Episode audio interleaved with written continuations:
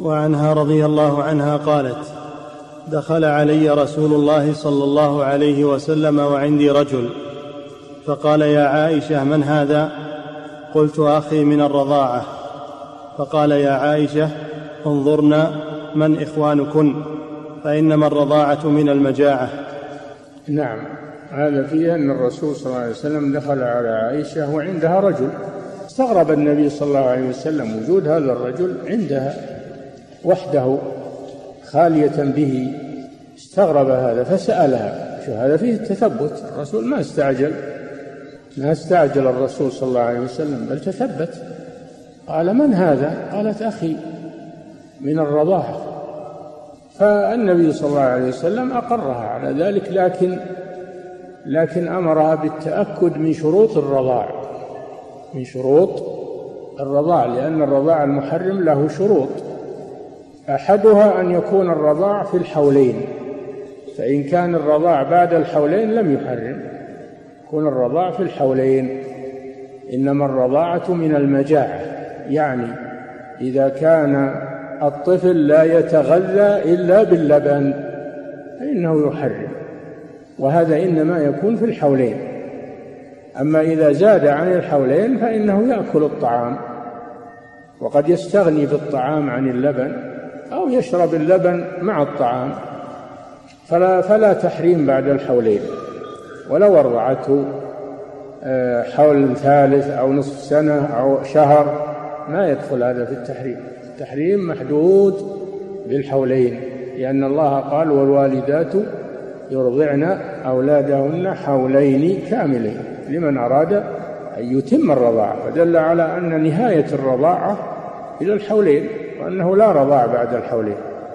لا رضاع بعد الحولين لأن الطفل يستغني بالطعام عن اللبن والرضاع الذي يحرم هو ما يغني عن الطعام وذلك لا يكون إلا في الحولين.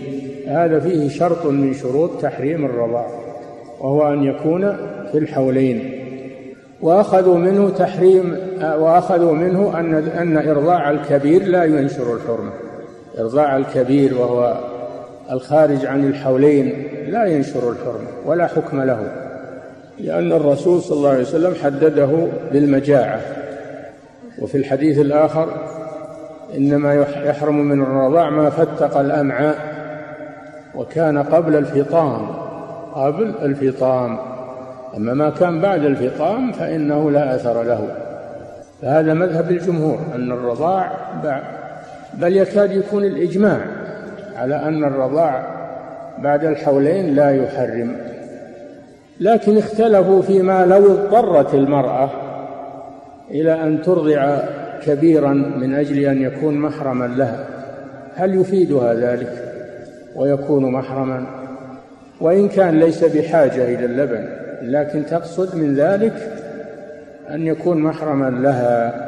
هذا ورد في حديث سهيلة بنت عمرو سهيلة بنت سهيل بن عمرو سهيلة بنت سهيل بن عمرو زوج أبي حذيفة. زوجة أبي حذيفة. كان عندهما سالم مولى أبي حذيفة مولى عتيق وكان يخالطهم ويدخل عليهم ويخدمهم وهو من أفاضل الصحابة. ومن السابقين الأولين إلى الإسلام رضي الله عنه. سالم مولى أبي حذيفة. فتحرجت سهيلة بنت سهيل بن عمرو تحرجت من هذا الرجل. فأفتاها النبي صلى الله عليه وسلم. قال لها أرضعيه تحرمي عليه. فأرضعته وصار من محارمها. قالوا هذا دليل على أنه عند الحاجة لا بأس أن ترضع الكبير ويكون ابنا لها لكن الجمهور يقولون لا ما يصلح هذا. وقضية سهيلة هذه قضية عين لا عموم لها. هذه خاصة بسهيلة فقط. لا عموم لها بدليل أن الصحابة ما كانوا يعملون هذا وهم يعلمون قصة سهيلة ما كانوا يعملون هذا. فهو كالإجماع على أن الرضاع الكبير لا لا ينشر الحرمة. كالإجماع. ولكن من أفتى به أخذ من قصة سهيلة ومنهم شيخ الإسلام ابن تيمية أخذوا بها. لكن الصحيح أن, أن هذا لا, لا يجوز وأنه خاص بسهيلة. قالوا وهي قضية عين لا عموم لها بدليل أن الصحابة ما عملوا بها. ولو كان لها عموم لفعلها الصحابة. نعم. يا عائشة انظرن من إخوانكن. فإنما الرضاعة من المجاعة. نعم. من المجاعة يعني يكون الرضاع بديلا عن الطعام. يسد الجوع. يسد الجوع لا يسده غيره. هذا فيه دليل على أن لا يحرم من الرضاع إلا ما كان قبل الفطام.